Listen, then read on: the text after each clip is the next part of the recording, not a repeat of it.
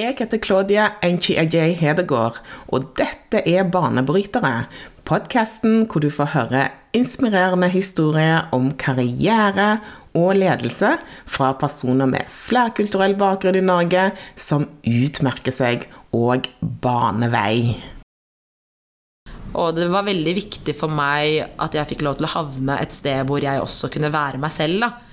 Eh, og det å kunne liksom ja, Jeg var veldig redd for disse rammene. Å bli spist av struktur. Og at når du er vant til å liksom være tre stykker og må ta en avgjørelse, eller kanskje også alene noen ganger, og så skal du ha et system hvor du må spørre om lov til ting, og det er et hav. Og kanskje dette selskapet er som er et av verdens største selskap. Med de liksom Ja, jeg, var, jeg husker jeg var flere de jeg snakket med, var liksom Men hvordan kan jeg liksom ikke bli spist opp da, av rammene? Og, og kanskje det jeg var mest også redd for, var at progresjonen min skulle stagnere.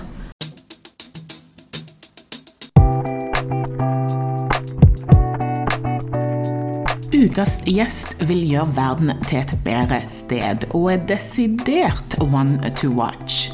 Danat Tekia er seniorkonsulent i Deloitte, hvor hun jobber for å bygge broer mellom forretning og bærekraft.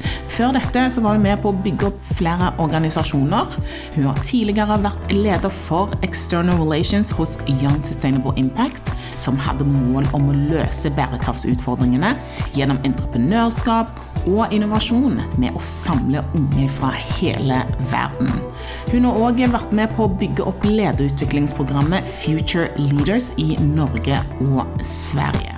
Danat har bachelor innen organisasjon og ledelse, og har tatt NHHs Executive Master-modul innen bærekraftig forretningsstrategier. Hun har òg blitt kåret som 30 under 30 ledestjerne av Dagens Næringsliv.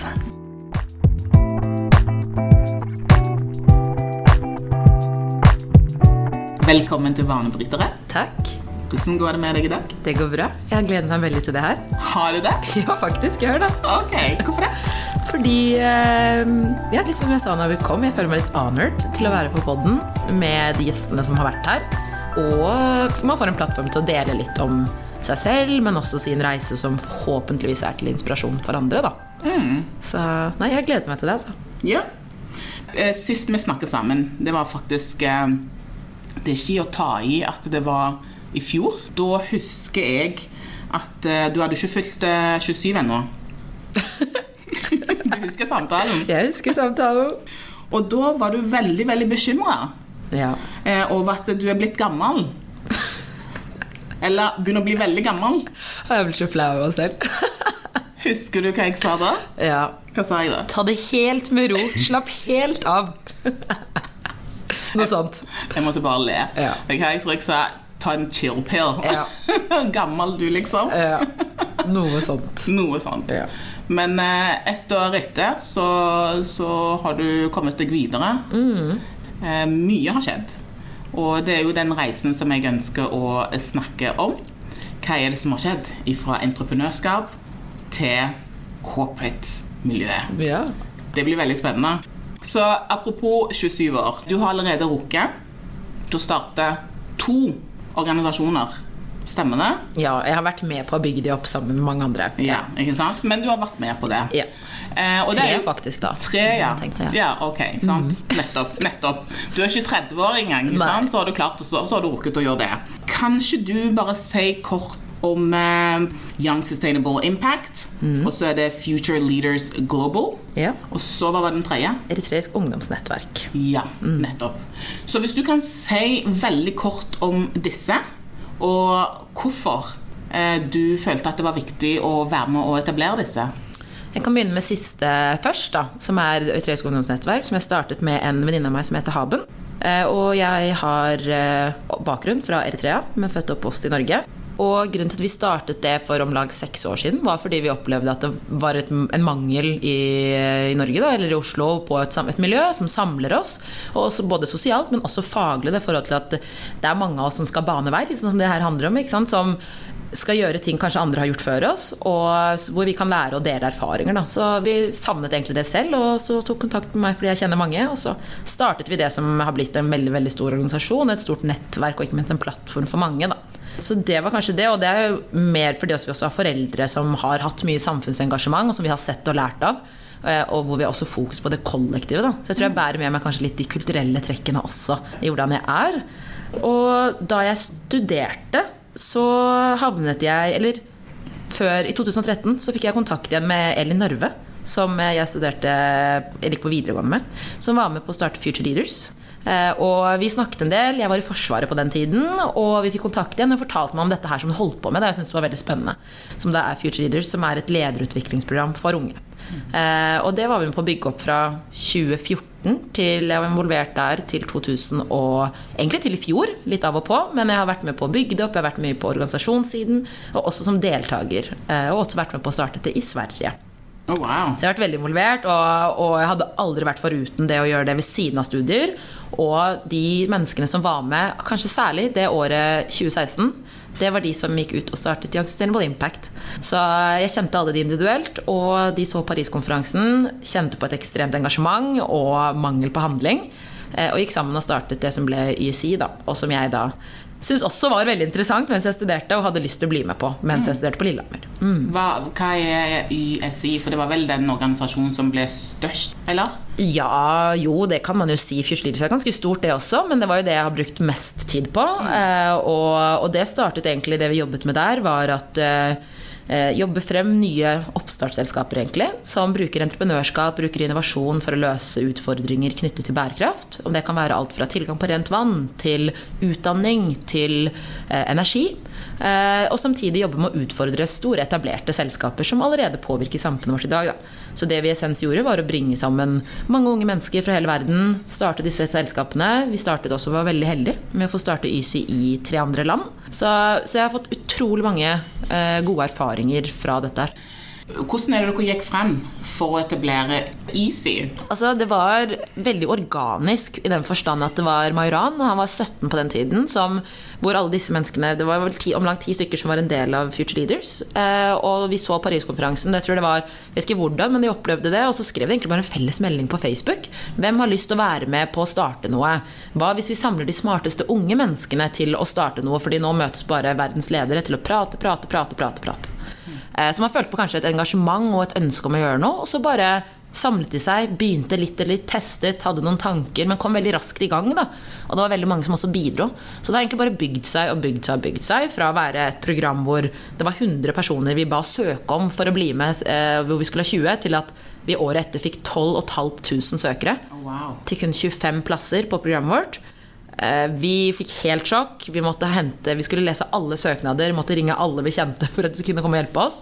Og så har det bare ballet seg på og bygd seg til å bli en organisasjon som både blir en arbeidsplass for flere av oss, og som eh, ble et, tror, et viktig verktøy for alle de unge som har vært med på programmet vårt også. Da.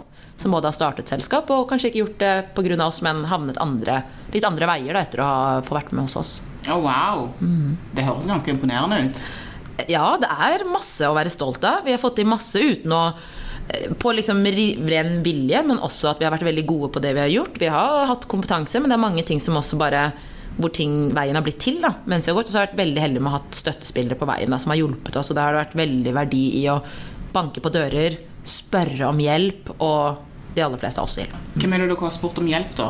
Oh, hvem er det vi ikke har spurt om hjelp? Eh, men særlig en viktig bidragsyter har vært Rolf Assev i, i Startup Lab, som var Vi har kalt ham liksom pappaen til Easy, da. Ah. Som har hjulpet oss på veien, støttet oss eh, fra veldig tidlig av, da, blant annet. Men det har vært utrolig mange bidragsytere eh, i ulike former. Oh, er ikke det deilig med støttespillere? Jo, det er helt fantastisk. Men jeg tror det er kanskje mer enn man tror en barriere hvor færre tør å spørre, kanskje. Mm. At vi har litt sånn norskhet i at man, eh, man ikke helt å banke på den døra. Men jeg har sendt utrolig mange 'hei, du kjenner ikke meg, men eh, kan du hjelpe?' meldinger. Og da blir du veldig overrasket. Det er veldig mange som hjelper.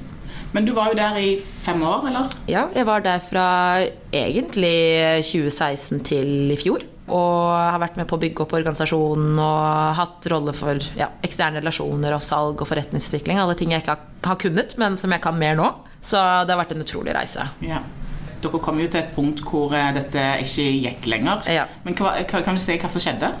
Det har jo vært en reise hvor personlig så har man jo liksom Jeg har blitt med på noe jeg har trodd på. Jeg tenkte aldri at jeg skulle bli en entreprenør eller gründer, og at jeg hadde behov for å være egen sjef, eller litt sånn de tingene man hører igjen. Da.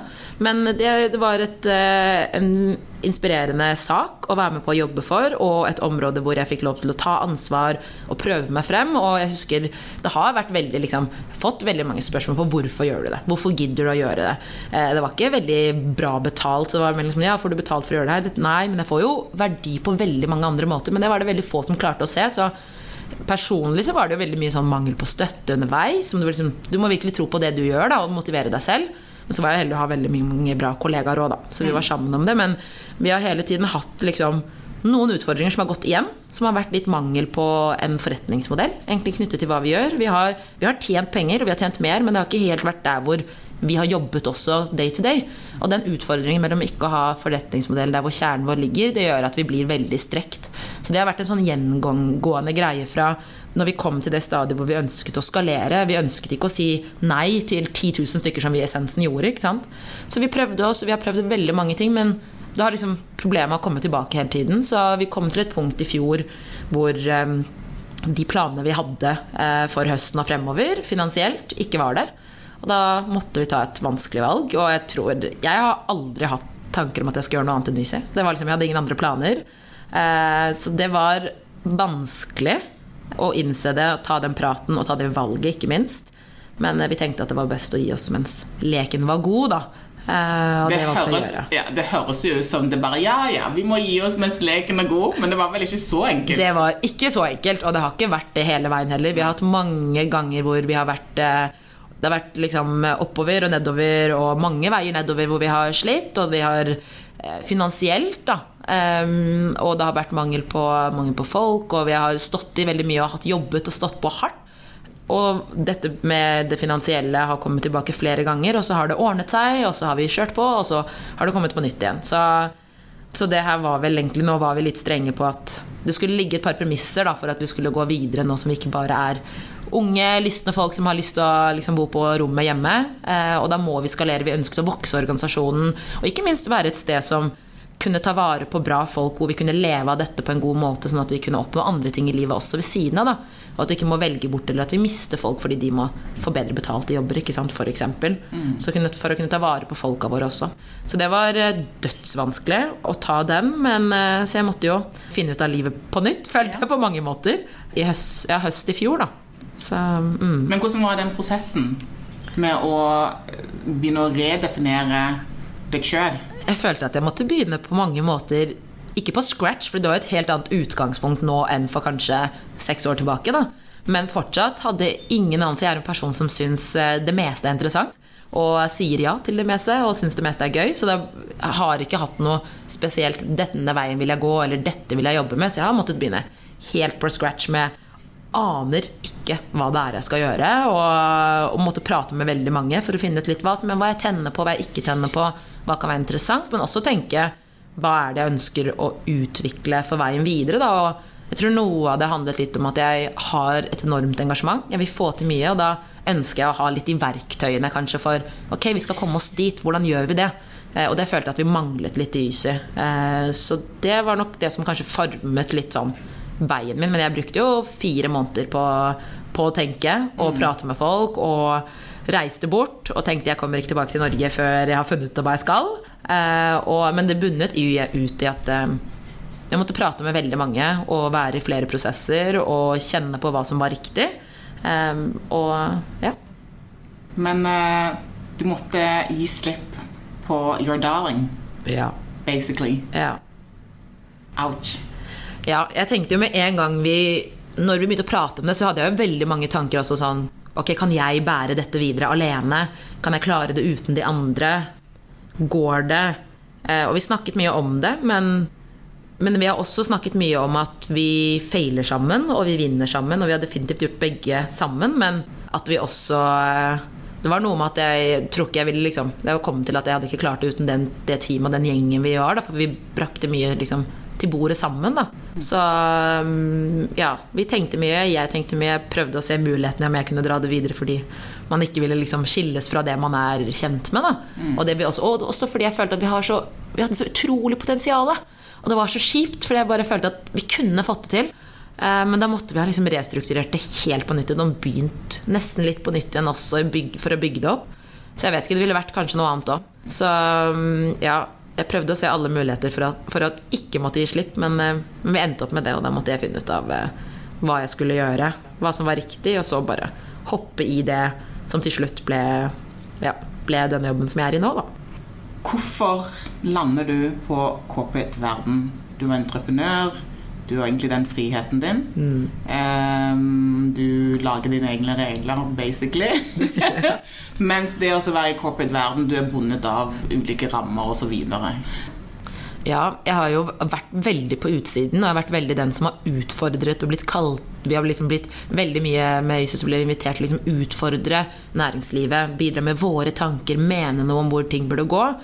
Så det har aldri vært i mine tanker at um, der skulle jeg jobbe, da, så det var litt tilfeldig. Men sånn tilbake til den prosessen jeg snakket om, at jeg tenkte mye, og jeg kom frem til at jeg har et engasjement, men det er lurt å ha noen strategi for hvordan å drive dette engasjementet. Og, og hvor kan jeg lære litt om det? Jo, f.eks. konsulentbransjen er jo ett sted, da. Eh, hvor man får jobbe med veldig varierte oppgaver også. Så det var også litt tilfeldig, men jeg skjønte jo at jeg ville jobbe her, så jeg pratet jo med flere aktører i bransjen. Eh, og så var det litt tilfeldig. Jeg var innom hos Deloitte da, eh, året før mens jeg jobbet i YSY som en mentor i et omvendt mentorprogram eh, i samarbeid med Catalysts. Mm. Og jeg da var mentor for en partner her. Um, og det handlet om mangfold og hvordan de kunne jobbe bedre, med å bli bedre på mangfold. Så, så jeg var litt innom. Uh, men de husker de snakket jo litt om at dette kan dere bli med på, og dere kan kanskje noen jobbmulighet. Men jeg tenkte her er jeg for å gjøre dere en tjeneste. Jeg. Liksom, jeg. hadde ingen tanker om at dette var strategisk i forhold til jobb. Men da jeg da havnet i den situasjonen jeg gjorde, og begynte å tenke og begynte å skjønne at kanskje dette kunne være noe for meg, så tok jeg også kontakt. da. Eh, og så bare gikk den ballen, egentlig. Og, og det var veldig viktig for meg at jeg fikk lov til å havne et sted hvor jeg også kunne være meg selv. da Uh, og det å kunne liksom ja, Jeg var veldig redd for disse rammene. Å bli spist av struktur. Og når du er vant til å liksom være tre stykker og må ta en avgjørelse, eller kanskje også alene noen ganger, og så skal du ha et system hvor du må spørre om lov til ting, og det er et hav. Og kanskje dette selskapet er som er et av verdens største selskap. Med de liksom Ja, jeg, var, jeg husker jeg var flere de jeg snakket om, var liksom Men hvordan kan jeg liksom ikke bli spist opp da, av rammene? Og, og kanskje det jeg var mest også redd for, var at progresjonen min skulle stagnere. At jeg skulle liksom bli en del av systemet bare og ikke få den raske utviklingen som jeg hadde hatt gjennom YSE. For der fikk vi bryne oss på masse, og, og derav veldig rask utvikling på ja, mange av erfaringene som jeg har opparbeidet meg, som jeg tror blir tatt kanskje ti år til. da mm. Hvis jeg hadde begynt et sted hvor du må gå liksom stigende. da så jeg hadde mange frykter, og jeg måtte snakke mye. Men eh, ja, jeg snakket med Deloitte i en måned blant annet, da, i prosessen min. Men, eh, men, jeg lærte å kjenne de, følte jeg også gjennom prosessen, og det ble også litt utslagsgivende. Hva var det de sa for å, å overbevise deg om å, om å, si ja? Ja, det er et godt spørsmål. Hva måtte de si? En ting jeg har husket på, er at jeg møtte veldig mange mennesker gjennom prosessen som ga meg et inntrykk av typ, hvordan kollegene mine vil bli, hvordan er stemningen. Jeg er veldig liksom, åpen og lavterskelperson og har ikke lyst til å havne liksom, et veldig stramt sted, hvis man kan si det sånn. Så det var mer enn den forståelsen av både hvorfor jeg være Får jeg være på et sted hvor jeg får fortsette å utvikle meg? Får jeg være på et sted hvor jeg fortsetter å få ta muligheter og bli gitt muligheter? Hvor kan jeg bygge erfaring og kompetanse som, som jeg kanskje mangler også nå? Og ikke bare fortsette på det man liksom er god på, men hvor jeg kan utvikle meg. Så det var litt de samtalene. Og så ville jeg jo jobbe med, med bærekraft, så det var jo mye å forstå liksom, hvordan de jobber med dette, og hvor langt de har kommet, og hva de faktisk ønsker og vil. Så, så, jeg hadde mange samtaler og frem og tilbake, og det var mange som var involvert. Og da fikk et godt inntrykk av både selskapet og, og hva jeg fikk lov til å, skulle få lov til å være med på. Da. Føler du at uh, du er riktig sted nå? Definitivt. Jeg koser meg. Uh, jeg har tenkt flere ganger jeg har Det er mange tunge dager, men det er også dager hvor jeg har tenkt sånn åh, jeg elsker jobben min. Og den følelsen er kjempedeilig å ha. Men det er virkelig et sted med dyktige folk veldig hyggelige og bra folk. Man bruker mye tid på jobben sin, og jeg har Mange separerer kanskje på det, men for meg er det veldig viktig at det er på et sted hvor jeg trives godt med folk, hvor jeg får, man bygger vennskap, man bygger relasjoner, og man bruker mye tid her, så det er viktig, og det jeg føler absolutt jeg får være med på, får være med på mye av det. Og så er det mye som er overførbart overraskende. Mm. Jeg føler at man er liksom en intern entreprenør. Det er et stort system. Du må kjenne mange. Du må kjenne hvem, hvem som gjør hva, for å kunne få ting til å gå videre. Så det er veldig mange, overraskende mange erfaringer fra gründerverden som jeg tar med meg hit. Ja, absolutt. Stakeholder management. 100 det, Det er, ja, det er et must, så der har du virkelig bygd opp en skillset. Ja, og det å også være ute da, det, når vi er liksom gründere og vi, skal, vi har ansvaret for at sjappa vår ruller videre, så må du kunne bygge relasjoner, må kunne jobbe med kunder, du må jobbe med altså, som du sier, ulike stakeholders, enten om det er internt eller eksternt. Og som konsulent er det jo det vi gjør. Og da, det er mange ting jeg ser at jeg tar med meg som man kanskje ikke har hatt alltid her, da, hvis man har gått veien hele veien. Og jeg er så takknemlig for det jeg har gjort de siste årene, og den veien jeg har gått. Så det har egentlig bygd deg opp for en sånn type rolle som dette her? Ja, jeg hadde nok aldri vært der jeg er i dag hvis ikke jeg hadde vært foruten de erfaringene fra Future Leaders, fra YSY og så nå, da. Både interessen, men også erfaringene. Ja. Interessen for det jeg jobber med, men også erfaringen fra det jeg jobber med. Da. For noen vil jo si at det å gå fra entreprenør til å gå inn i corporate, at eh, altså selve overgangen kan være litt sånn overveldende. Sånn som du sa tidligere, du må forholde deg til regler, du må, du må på en måte forholde deg til kollegaer som kanskje har litt andre typer verdisett enn det du har vært vant med, i forhold til liksom at dere var en eh, tight team der du var. Mm. Hvordan har din transition-periode vært fra entreprenør til corporate environment? Det har gått veldig raskt. Det er utrolig at jeg har vært her eh, ja, nesten liksom snart et år jeg føler ikke at den har vært veldig Kanskje liksom i begynnelsen så det er et par ting når du kommer inn her med litt erfaring og jobber som seniorkonsulent, og det er et par ting som er sånne the basics av å være konsulent, som kanskje de andre har fått fordi de begynte her som sin første jobb, som jeg mangler. Så jeg tror at det er veldig mange ganger hvor det der kjenner på at man er ny igjen. Eh, og det å ikke kunne noe og samarbeide med noen andre, og så bare 'det er ikke bra nok', og så bare 'Å, jeg skjønner ikke hvorfor', og så virkelig det å kjenne på å være ny, det kjente jeg på de første månedene. Men det var mer sånn i jobben, for det var ganske nytt for meg. Um, måten at vi skal produsere ting, og vi skal hjelpe, og vi skal være Jeg er vant til å kanskje lede andre mer som skal gjøre det jeg egentlig gjør nå. Mm. Så det var kanskje en overgang. Og så var det litt det der med å spørre om, spørre om ting. Forstå hvordan alt henger sammen. Mm. Det som du har vært opptatt av helt fra starten når du studerte, så ønsker du også å gjøre en forskjell. Så da gikk du den retningen med Easy og de andre organisasjonene. Hvordan er det du vil gjøre en forskjell nå? Det er et godt spørsmål. I hovedsak så gjør vi jo det her gjennom å hjelpe egentlig ulike virksomheter og organisasjoner eh, på spørsmål og utfordringer som de sitter med. Da. Og så er det jo eh, ikke rart at jeg er i de avdelingene som jeg er. Så det er jo både å jobbe med strategi, det passer veldig med at jeg som tenker stort, og jeg blir veldig motivert av de store bildene, det visjonære. Tenker at eh, vi skal til Mars, Og så tenker jeg ja, ok, hvordan kommer vi oss til Mars? Tar jeg det liksom helt seriøst? Jeg ler ikke det bort. Så, så det å jobbe med litt de store spørsmålene syns jeg er veldig interessant. Og jeg tror i forhold til de tingene vi også står overfor som et samfunn, så er det veldig store endringer som må, som må til, og vi må endre oss radikalt. Så, og det begynner jo gjerne der.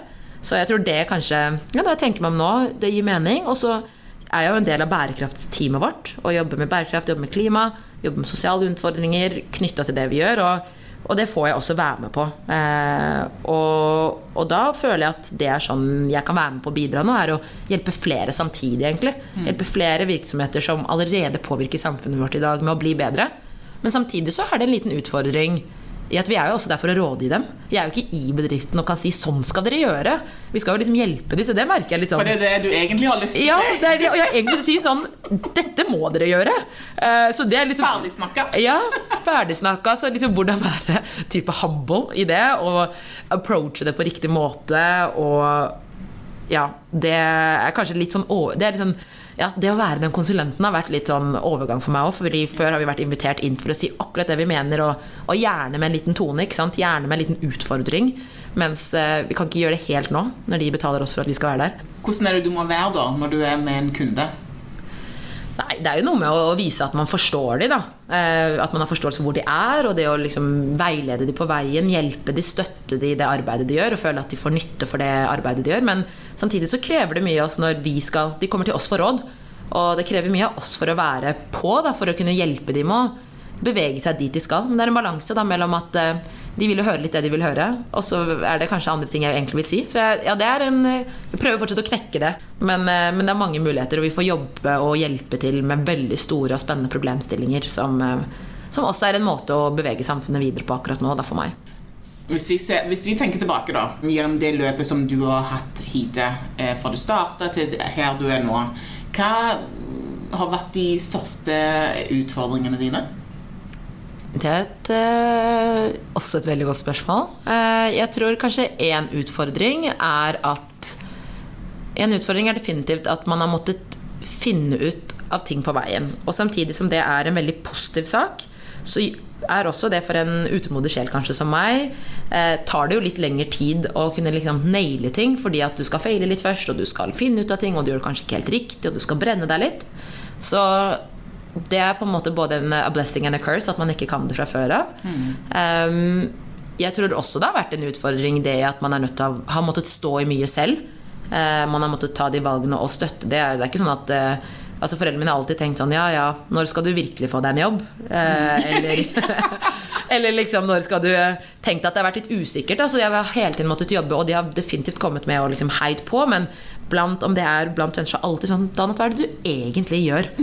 um, og, og det å da kunne både sette liksom, verdien og ha troen på det vi gjør, eh, se verdien i det, ikke minst, men også jobbe med å skape forståelse for de rundt meg. For det å ta de med. Og særlig da f.eks. For med foreldre. Da. Og jeg tror mange kan relatere til den med at å, jeg har kanskje lyst til å gå en litt mer utradisjonell vei som de er mindre kjent med. Jeg har ikke støtten, og så kanskje la meg seg stoppe av det. Da, eksempel. så i motsetning til det så har jeg vært veldig litt sånn jeg kjører på, dere får komme liksom etter. Men samtidig fokusert på at jeg skal skape forståelse på veien. Så jeg har måttet ta de med på mange ting, forklare, vise. Eh, om jeg holder foredrag eller vi har et arrangement. Når vi hadde det masse med Easy, så kom de. Og de var der, og de fikk se, og da skjønte de også. Da. Men det er en sånn jobb i at du skal ja, du skal stå i det når du møter på utfordringene. Det er mange ganger jeg kunne hoppet av om det er at ja, jeg tjener ikke like mye som kanskje alle de som er like gamle som meg. Når man står der og ser at alle vennene dine rundt deg de kjøper leiligheter, de har jobber, de lever en viss livsstil, og så er man kanskje der selv. Så, så du, må liksom, du, må gå et par runder med deg kanskje flere ganger og reminde deg selv. Hvorfor gjør jeg det her igjen? Hva får jeg ut av det? Og heldigvis så kjente man jo på de winsene, da. Selv om når det gikk oppover, men også nedover. i forhold til, ja, Det var derfor vi gjorde det. Eh, når man ser på liksom hva, hva, det betyr da, for de rundt oss, hva de erfaringene og selvfølgelig mange som heier på deg, selvfølgelig om man møter på utfordringer. Men, men, jeg tror at det er mange ganger vi har møtt på selv når vi startet YSY Nei, dere kommer ikke til å få det til når dere gjør det sånn. Jo, det skal vi i hvert fall. Eh, og motbevise litt, da. Så vi har hatt eh, Jeg tror i mange av tingene som jeg har jobbet med, om det er Etres ungdomsnettverk eller YSY, har hatt mye odds imot oss. Vi har ikke startet med masse penger. Hadde vi startet med et utgangspunkt hvor vi har masse penger fra et annet corporate liv hvor vi kan putte det inn eller ha mange finansielle støttespartnere fra starten av, så hadde vi kanskje hatt det, men vi startet liksom fra scratch. da. Så jeg er utrolig stolt av det vi har vært klart å bygge da, i alle organisasjoner jeg har vært i. Men eh, det har, ikke, det har vært mange motbakker. Men hva er det det sier om deg, da? Nei, det er i hvert fall at jeg er motstandsdyktig, da, vil jeg tro. Og, og jeg gir meg ikke selv om jeg ser en utfordring, og, og står i det. Og jeg klarer også å se verdien av det som kommer, da, prøve å snu det til en mulighet. Um, hvis jeg kun hadde tenkt på ah, jeg skal tjene pengene, eller jeg skal uh, være litt kynisk i det man gjør, så tror jeg ikke jeg hadde gjort de tingene. Jeg hadde definitivt ikke gjort de tingene jeg har gjort.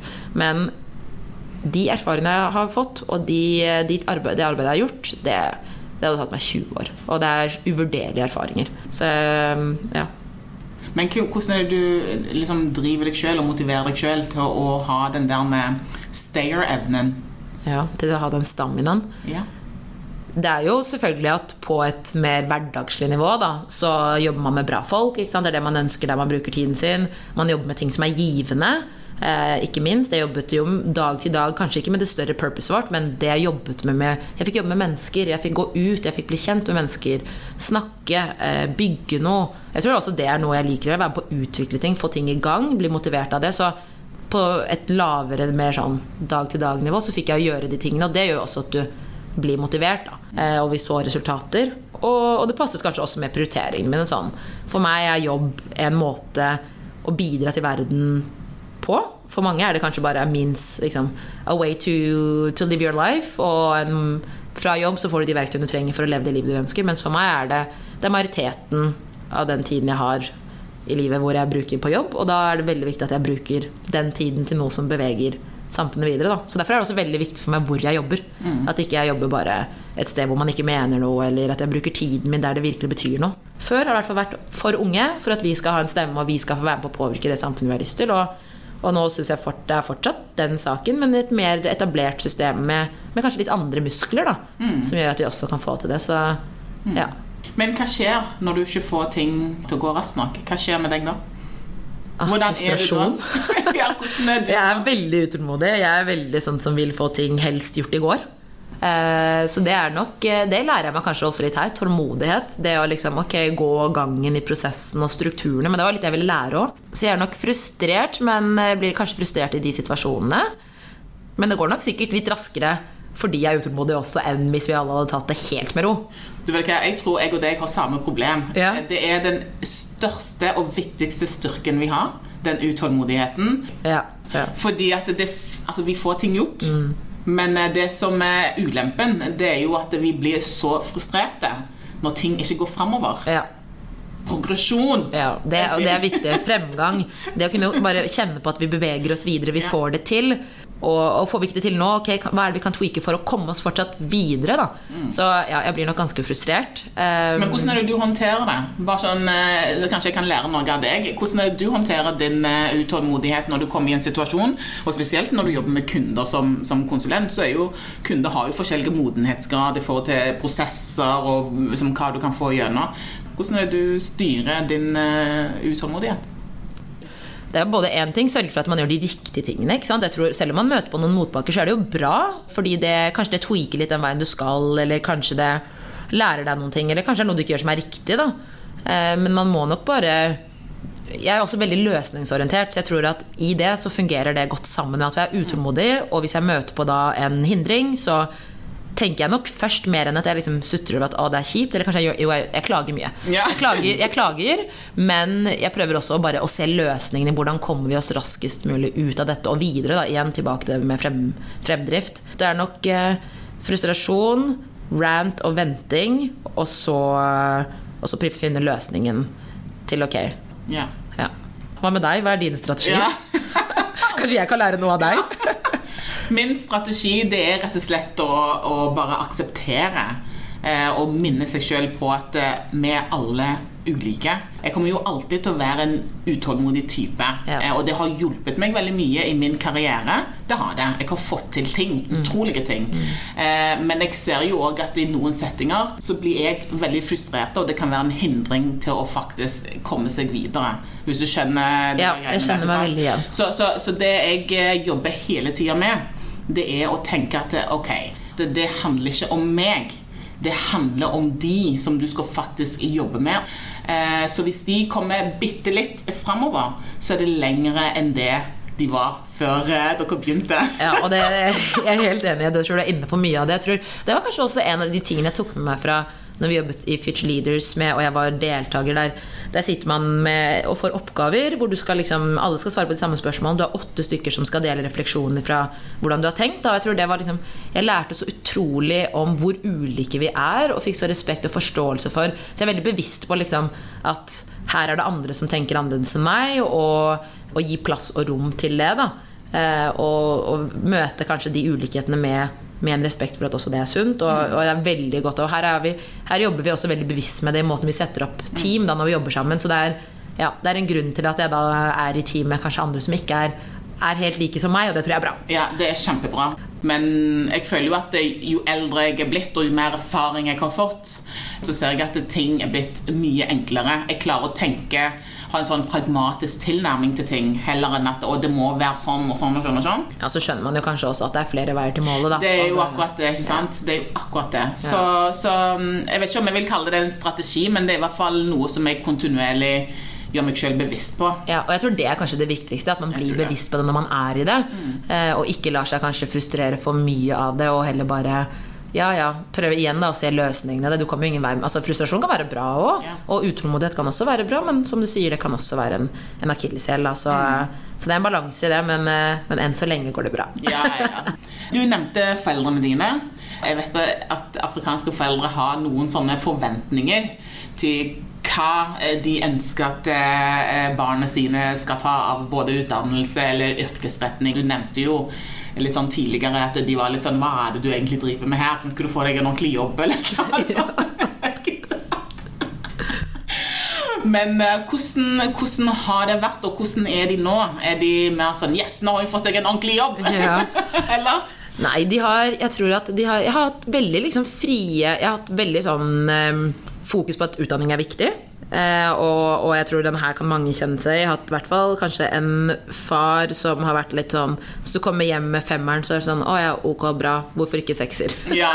Og når du har stått i det, så har det vært utrolig frustrerende. Men det har heldigvis hatt en mor på andre siden som har vært litt sånn Og det var kjempebra, jenta mi. Som har balansert seg ut, da. Men eh, jeg har hatt i hvert fall høye forventninger, og, og det har vært definitivt bra, for det har pushet meg. Og da jeg var i overgangen fra, fra videregående til eh, høyere utdanning, så ønsket jeg å dra i Forsvaret. Og da var det ikke så godt mottatt av hvert fall pappa, husker jeg. For da var det veldig sånn Den frykten For de vil jo bare at vi skal ende opp med noe bra. Ta en utdanning som støtter oss og sikrer oss på en måte sikkerhet fremover i livet. da så da jeg sa at jeg skulle i Forsvaret, så i hvert fall ikke han poeng i det. Og han tenkte at ja, ja, nå drar du ett år dit, så kommer du tilbake, så du i hvert fall ikke begynner på skolen igjen. Og bare, Han dro hele den der da, hele tiden. Så jeg hadde, i hvert fall, jeg hadde ikke mye støtte i, i den beslutningen der. Og de trodde ikke jeg skulle dra før jeg faktisk dro. Eh, Men etterpå ble de jo sykt stolte og skrøt av det til alle. ikke sant? Så det er noe med å bare ha is i magen, og they always come around. Og jeg så, fikk så utrolig mye verdi i å ta de valgene jeg har gjort, at jeg har turt å stå i det selv om de kanskje ikke har vært med. da. Så selv om eh, når jeg har jobbet med YCO, så har jeg jo fått ting til å gå rundt, og jeg har klart det, og jeg har, og har stått på. Det har de jo sett at det er mye arbeid.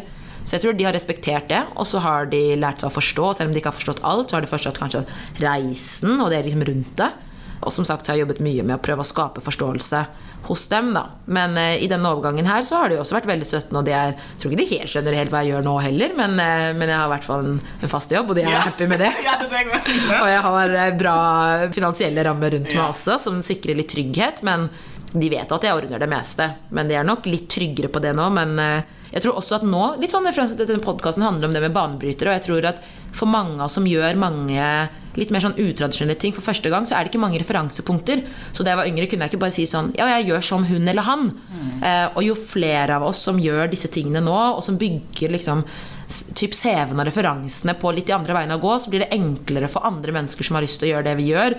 For du kan bare si 'jeg gjør som hun venninna', eller 'gjør som datteren til hun som du kjenner'.